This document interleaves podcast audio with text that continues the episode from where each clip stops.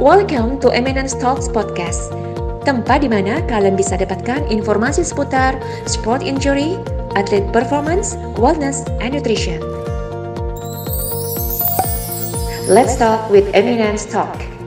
Oke, halo semuanya. Selamat datang kembali di Eminence Talk bersama saya Dr. Jessie. Uh, kalau sebelumnya kalian nggak pernah dengar nama saya Dr. Jessie ya memang karena saya baru di sini mulai dari bulan lalu. Ya sebenarnya saya udah ikut Dr. Andi uh, dari sekitar tahun lalu, tapi sempat vakum gara-gara internship sekitar satu tahun bersama COVID COVID itu. Tapi setelah selesai saya balik lagi ke sini. Oke, karena tak kenal maka kata sayang nih jadi narasumber kita meskipun mungkin udah pada kenal saya kenalin ulang biar makin sayang Dr. Andi Kurniawan spesialis kedokteran olahraga Halo, uh, Dokter Jessie. Halo dok. Nah beliau ini ya seperti tadi ya dokter spesialis kedokteran olahraga, selaku juga direktur SPPOI Eminence dan tentu saja beliau praktek di Eminence gitu. Nah dok, uh, kita mulai ini dari topik kita hari ini tentang perannya spesialis kedokteran olahraga selama pandemi. Uh, tapi sebelumnya kembali lagi kita kenal maka tak sayang. Banyak banget juga nih dok yang belum tahu SPKU itu apa. Termasuk saya waktu dulu tuh koas sering banget setiap pindah stase ditanyain e, mau spesialis apa? Ditanyain ke satu-satu koasnya. Saya biasanya dengan pede nih jawab spesialis kedokteran olahraga gitu ya. Tapi abis itu dijatuhin lagi sama preseptornya kayak apaan tuh? Gitu. Apaan tuh kepanjangannya SPKO gitu. Terus emang itu ada di Indonesia. Nah coba uh, coba dijelasin dong dok kayak ngapain aja sih SPKO tuh apa kerjanya ngapain dan biasanya kerja di mana gitu. Oke okay. uh, thank you dokter Jesse. Jadi spesialis kedokteran olahraga itu adalah uh, salah satu uh, program studi spesialis yang ada di Indonesia. Uh, sayangnya baru ada satu hanya di Universitas Indonesia kalau di Indonesia. Dan apa saja uh, apa saja sih sebenarnya yang dilakukan oleh spesialis kedokteran olahraga? Uh, spesialis kedokteran olahraga atau SPKU itu menangani pasien akibat uh, atau menangani pasien yang punya masalah kesehatan akibat karena olahraga. Jadi misalnya karena cedera olahraga atau karena mungkin uh, mening ingin meningkatkan uh, performanya terus kemudian terjadi masalah kesehatan gitu ya. Dan juga menangani masalah kesehatan akibat kurang olahraga dan uh, biasanya penanganan yang kita berikan atau tata laksana yang kita berikan adalah berupa latihan fisik atau exercise. Oke, berarti kalau misalnya kayak gitu, nggak cuma atlet doang kan dok yang olahraga, kayak masyarakat pun olahraga. Jadi masyarakat biasa pun bisa jadi pasiennya spesialis kedokteran olahraga gitu kan ya? Pada prinsipnya sebenarnya masyarakat yang suka olahraga, masyarakat yang gemar olahraga, atau masyarakat yang belum berolahraga dan mereka ingin tahu cara olahraga yang benar supaya tidak cedera, itu bisa menjadi pasien uh, seorang spesialis kedokteran olahraga. Tapi pada prinsipnya adalah kita memberikan, uh, kita menangani masalah akibat olahraga dan kita memberikan uh, penanganan atau tata laksana pasien yang kurang berolahraga atau hmm. kurang melakukan aktivitas fisik dengan olahraga atau dengan latihan fisik atau exercise hmm. gitu. Ya jadi gitu guys, soalnya banyak banget nih yang nanya dok kalau misalnya saya ngomong spesial kedokteran olahraga pasti ditanya balik, oh berarti nanganinnya atlet ya gitu. Jadi ini udah konfirmasi ya dok kalau masyarakat biasa pun yang suka olahraga tuh bisa jadi pasiennya spesialis kedokteran olahraga. Ya, gitu. betul. Nah terus itu kan berarti slogannya tuh kayak slogannya SPKO tuh biasanya exercise is medicine gitu kan ya dok. Nah, jadi itu sama kayak yang tadi dokter jelasin uh, untuk masyarakat yang butuh olahraga biasanya datang juga ke spesialis kedokteran olahraga. Nah, coba bisa jelasin lebih di, detail lagi gimana dok, gimana tuh exercise is medicine? Kayak apakah kalau misalnya saya pilek terus saya olahraga, saya sembuh pileknya gitu? Atau nyerempet-nyerempet situ sih artinya gitu dok? Oke, okay. uh, eh, exercise is medicine atau exercise as medicine, as a medicine itu sebenarnya adalah sebuah uh, istilah atau slogan yang sebenarnya kalau exercise medicine tuh trademarknya yang dimiliki oleh American College of Sport Medicine tapi uh, atau ACSM tapi sebenarnya uh, secara harafiah artinya adalah bahwa olahraga itu adalah obat atau olahraga itu adalah uh, bagian dari penata laksanaan sebuah penyakit gitu. Dan memang di beberapa penelitian memang uh, sudah banyak yang bukti ilmiahnya cukup kuat bahwa dengan melakukan latihan fisik atau exercise itu bisa mencegah dan mengobati atau memperbaiki kondisi eh, penyakit-penyakit tertentu. Banyak se- sebenarnya banyak sekali penyakit sih seperti penyakit kardiovaskuler, penyakit metabolik, eh, bahkan cancer pun juga eh, membaik. Membaik itu dalam arti eh,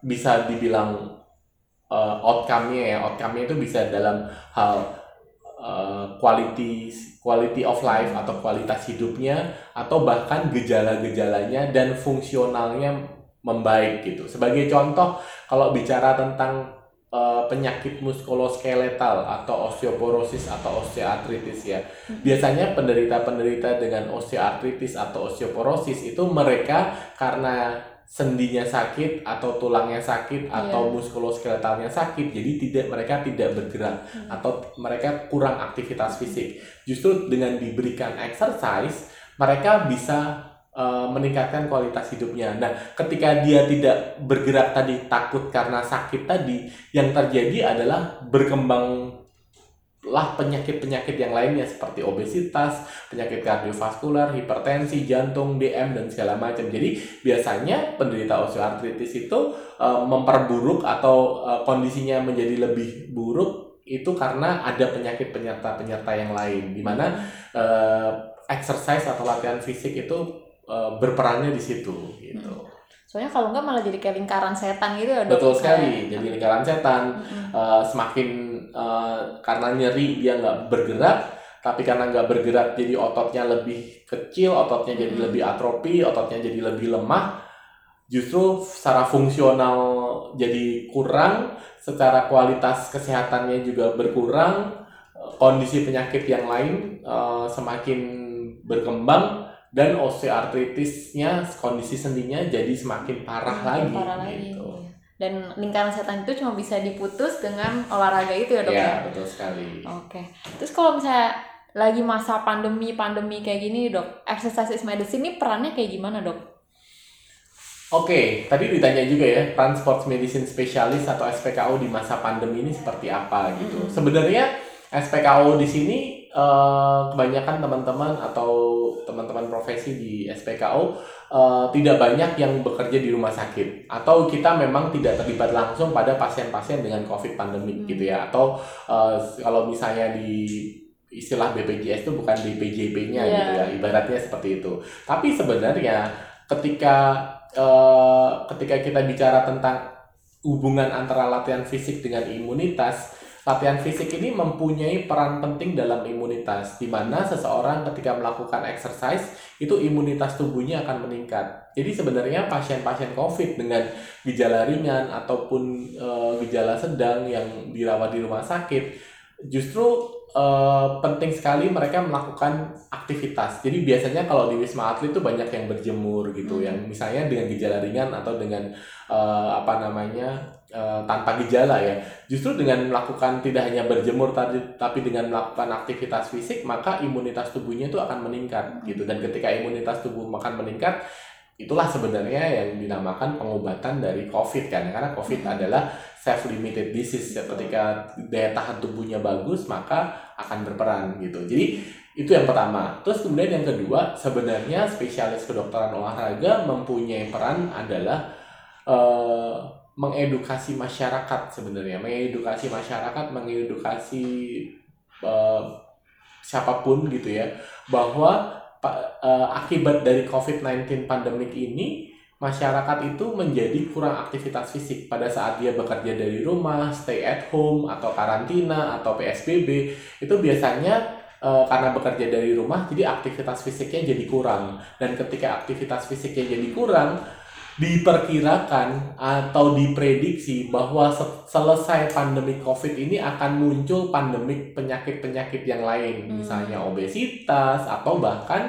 penyakit-penyakit jantung atau penyakit-penyakit metabolik atau kardiovaskuler lain karena selama bekerja dari rumah atau selama stay at home itu Jadi eh, kurang aktivitas fisik Hmm. jadi sedentary gitu dan itu menjadi hal yang penting yang perlu diedukasi kepada masyarakat bahwa pencegahan itu penting sekali. Eh, oh jadi kalau ka- jadi yang pemerintah sebenarnya perlu tekenin selama pandemi ini kan biasa pemerintah tuh cuma lebih sering nekenin kita harus cuci tangan, kita harus pakai masker, cuci tangan pakai masker, cuci tangan pakai masker. Tapi sebenarnya yang lupa untuk benar-benar ditekenin itu adalah kita juga harus olahraga gitu loh. Meskipun uh, meskipun mungkin gymnya ditutup meskipun kita nggak boleh keluar tapi kita harus cari akal sendiri untuk bisa olahraga tetap ya seperti di rumah atau bisa uh, mungkin kalau misalnya jalan sendiri di luar gitu kan. Nah kalau misalnya kayak gini dok kita mau olahraga nih tapi memang lagi psbb jadi kita nggak boleh kumpul-kumpul emang gym ditutup semuanya. Itu dokter sarannya gimana tuh? Kayak kita mendingan di rumah aja atau kita tetap boleh keluar. Terus kalau misalnya emang keluar itu kita harus pakai masker atau enggak? Atau ada keadaan-keadaan tertentu kayak ya udah nggak apa-apa kalau keadaan ini lu nggak pakai masker gitu. Iya uh, saya rasa 3M anjuran pemerintah uh, pakai masker menjaga jarak dan mencuci tangan itu memang uh, protektif way artinya jalan untuk mencegah dari uh, COVID-19 dan itu memang harus di uh, ditaati dan diikuti karena kalau enggak resiko uh, kita terkena COVID-19 pasti akan lebih tinggi.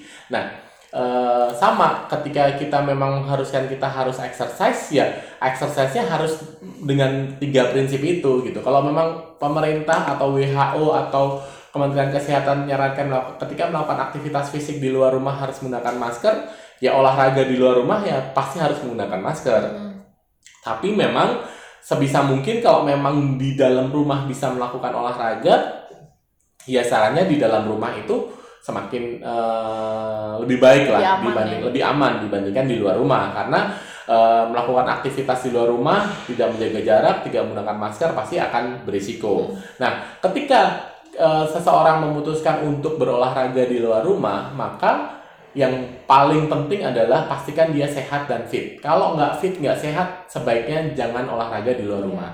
Terus kemudian yang kedua harus tetap pakai masker. Kalau memang ada uh, gosip atau hoax bahwa masker itu berbahaya buat tubuh kita, ya memang kalau menggunakan masker dengan melakukan intensitas dengan intensitas yang tinggi sekali, hmm. itu pasti juga akan terjadi kesulitan bernafas. Hmm. Tapi pertanyaannya adalah siapa suruh latihan dengan intensitas yang tinggi gitu hmm. karena dengan uh, ada kurva J shape itu menyatakan bahwa pada saat covid pandemik untuk meningkatkan imunitas itu adalah rekomendasinya adalah dengan intensitas sedang gitu sehingga uh, penting sekali untuk kita menaati uh, peraturan peraturan yang sudah disarankan sama pemerintah. Mm-mm. Soalnya dari WHO sendiri rekomendasinya itu adalah 150 menit dengan intensitas sedang ya dok yeah. per minggu. Betul. Jadi memang bukan sarannya high intensity apalagi uh, dalam pandemi situasi pandemi seperti yes. ini ya yang segala yeah. sesuatu memang terbatas gitu. Oke dok, kalau misalnya memang misalnya nih memang orang uh, aduh nggak betah banget deh kalau misalnya harus olahraga di rumah gitu maunya keluar. Dan dia memutuskan nih untuk pakai masker. Ada saran-sarannya nggak sih dok? Masker yang seperti apa yang memang untuk dipakai untuk olahraga atau semuanya sama aja gitu? Uh, sebenarnya sih uh, kalau masker kain saja cukup gitu ya. Masker kain saja cukup karena uh, tentu saja pada saat olahraga juga makanya kita sangat menyarankan untuk tidak berbareng-bareng uh, hanya uh, satu atau dua saja ataupun kalau misalnya bersama bersama-sama itu utamakan anggota keluarga kita sendiri dulu. Karena apa? Karena anggota keluarga itu adalah orang-orang yang kita tahu benar-benar uh, kondisi kesehatannya. Kalau teman komunitas dan segala macam itu kita tidak tahu kondisi kesehatannya. Jadi saya rasa uh, masker kain saja cukup ataupun masker yang sekarang didesain khusus untuk iya, olahraga iya, juga boleh sih. Oh, oke. Okay. Oke dok. Nah terus ini kan mungkin kita ngomongnya untuk masyarakat pada umumnya dok ya yang kita yang disaranin WHO untuk meningkatkan imunitas yaitu 150 menit per minggu intensitasnya sedang. Tapi ini ada atlet-atlet nih dok yang mungkin memang kerjaan mereka memang mereka tuh hidup dengan itu olahraga itu kan dok.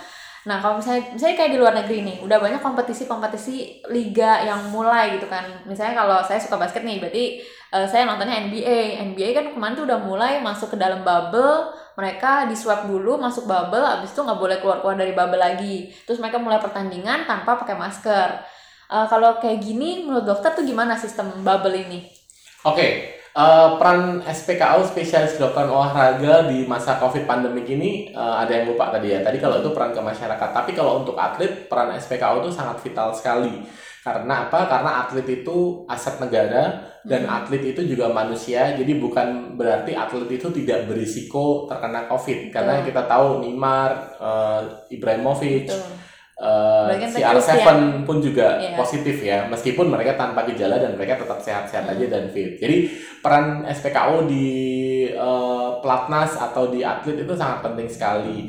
Dan yang menarik adalah uh, beberapa liga di Indonesia ini masih belum ber, berjalan. Uh, liga Indonesia sepak bola juga belum, bahkan basket dibatalkan tahun depan. Uh, karena apa ya? Karena memang uh, mungkin apa namanya risiko kita harus memper, benar-benar memperhatikan risiko gitu bahwa keselamatan dan kesehatan umat manusia itu jauh lebih penting dibandingkan sponsor dan dibandingkan uh, yang lain gitu itu menjadi nafas yang menurut saya nafas yang paling bagus sekali oleh IOC International Olympic Committee ketika hmm. mereka membatalkan Olympic London Betul. eh Olympic Tokyo. Uh, Tokyo 2020 bahwa uh, nafasnya adalah bahwa keselamatan dan kesehatan manusia itu di atas dari segala-galanya makanya Olimpik ditunda gitu nah peran SPKO sangat penting bahwa bubble bagaimana karantina bagaimana pemeriksaan swabnya itu setiap mungkin bisa 10 sampai 14 kali 14 eh, hari sekali hmm. atau sebelum dan sesudah pertandingan yeah. harus di swab itu sangat-sangat penting sekali hmm. dan itu menjadi uh, sangat-sangat krusial karena efek COVID ini terhadap uh, performa itu juga sangat uh, berpengaruh dan dampak COVID ini terhadap kesehatan atlet itu juga sangat berpengaruh. Jadi peran SPKO menghadapi atlet itu juga sangat penting sekali. Mm-hmm. Kalau misalnya di luar ini udah bisa mulai, tapi di sini malah banyak yang dibatalin gitu dok. Menurut dokter apa sih bedanya kita sama? Ya saya rasa karena uh, di Indonesia ini grafik uh, penularannya masih cukup tinggi masih itu satu ya. uh, dan yang kedua adalah dari karakteristik masyarakat Indonesia sendiri saya melihat bahwa masyarakat Indonesia ini beragam jadi kita punya penduduk yang sangat banyak terus kita juga punya ke keanekaragaman budaya suku dan segala macam di mana masing-masing uh, apa namanya masing-masing daerah masing-masing suku itu punya kebudayaan sendiri-sendiri mm -hmm. yang sangat cukup kental jadi makanya menjadi dilema ya ketika misalnya saya orang Jawa orang Jawa itu pekewuhan gitu nggak enakan sama orang hmm. gitu yang tadinya salaman jadi nggak salaman oh. boleh salaman itu kan pasti akan sangat mengganggu sekali yeah. gitu akhirnya tetap salaman dan segala macam padahal di covid ini nggak bisa gitu nah Uh, mempertimbangkan karakteristik-karakteristik itu, mempertimbangkan karakteristik-karakteristiknya supporter bola yang wah sangat antusias, sangat heboh ya. dan segala macam gitu, itu juga menjadi pertimbangan-pertimbangan di Indonesia. Kondisi keamanan hmm. dan segala macam itu juga jadi pertimbangan. Jadi saya rasa uh, banyak pertimbangan dan setiap negara punya karakteristiknya, hmm. setiap negara punya cara sendiri-sendiri untuk uh, menanggulangi COVID karena ya COVID ini masih uncertainty, masih penuh ketidakpastian dan semua negara juga tidak berpengalaman untuk menanggulangi yeah. COVID ini. Meskipun di NBA, meskipun di Liga Italia, Liga hmm. Spanyol dan segala macam sudah menerapkan protokol, tapi tetap saja masih ada yang positif, hmm, masih ada yang di cancel dan segala macam. Jadi saya rasa semuanya juga masih masih ini masih masih meraba-raba juga. Masih meraba-raba juga gitu. Ayo dok ini pertanyaan terakhir nih. Kan kita tahu nih SPPO ini jadi tim medis officialnya dari Borobudur Marathon 2020 ya dok. Sama juga sih tahun lalu juga Borobudur Marathon 2019 padahal tahun lalu tuh sudah seru banget kita bisa jadi tim medis langsung on the spot nanganin pasien-pasiennya. Nah salah nanganin pelari-pelarinya yang kram yang kesleo dan segala macam. Tapi tahun ini uh, saya dengar-dengar Borobudur Marathon 2020 akan tetap diadakan ya dok tapi dalam bentuk yang berbeda yaitu kata virtual run itu konsepnya kayak gimana dan jadi perannya dari SPPO Eminence ini nanti kayak gimana dok? Oke okay. sebenarnya kalau sebagai official sports medicine partner belum secara resmi dan kelihatannya kita tidak uh, secara uh, saya mungkin terlibat saya masih tetap akan menjadi medical director di event Borobudur Marathon tapi karena eventnya nanti ada event yang uh, offline-nya. Jadi masih ada race di Borobudur tapi hanya 30 orang dan hanya atlet elit dan dengan berbagai macam modifikasi jadi modifikasinya seperti London Marathon lint- jadi ngelup gitu ya. Hmm. ada lintasan tiga tiga meter tiga setengah meter kalau nggak salah tiga setengah kilometer terus kemudian ngelup beberapa kali gitu. Nah tentu saja sebagai medical director mempunyai tanggung jawab untuk mengcreate sebuah protokol kesehatan mengcreate eh, event tersebut bahwa event tersebut tuh jangan sampai eh, menjadi klaster baru terus kemudian bagaimana mitigasinya bagaimana eh, protokol-protokol kesehatan itu menjadi sangat penting sekali. Dan kalau untuk virtual run juga saya rasa edukasi penting ya. Artinya kita boleh bersenang-senang kita bisa apa namanya masyarakat boleh antusias mengikuti virtual tapi tetap yang namanya eh, mengingatkan protokol kesehatan itu penting sekali. Karena eh, selama vaksin belum ditemukan selama eh, vaksin belum masih belum ada kepastian saya rasa melakukan aktivitas di luar itu masih sangat sangat berisiko Oke. Dok. Satu pertanyaan satu lagi dok, terakhir saya penasaran banget dok pendapat dokter. Dok, tahun depan ini harusnya Indonesia ini nge-host FIFA World Cup U20. Iya bener ya dok. Nah, menurut dokter nih gimana? Sebaiknya tetap dilaksanakan atau diundur atau ada checkpointnya nggak dok? Kita per, kita boleh ngadain ini kalau apa? Atau harus diundur kalau apa? Eh, saya rasa menurut pendapat saya semuanya berdasarkan eh, kondisi ya. Semuanya akan berdasarkan kondisi. Semua schedule yang namanya event-event besar olahraga di dunia itu masih bertulis dengan pensil.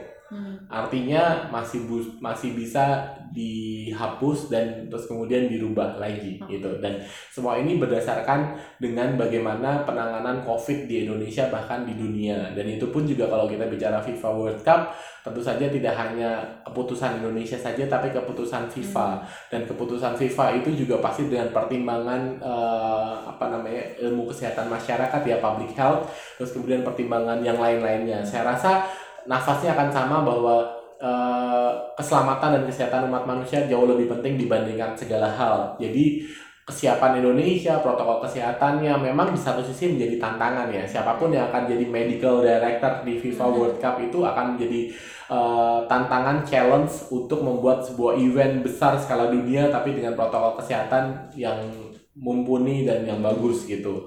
Dan itu ya, sekali lagi semuanya menunggu terhadap bagaimana vaksin ini ditemukan, bagaimana virus corona ini bisa dihentikan dan segala macam segala macamnya itu masih penuh dengan ketidakpastian. Jadi saya rasa eh, pertimbangannya pasti akan sangat banyak dari Indonesia sendiri, dari pemerintah sendiri ataupun dari FIFA. Ya sih betul.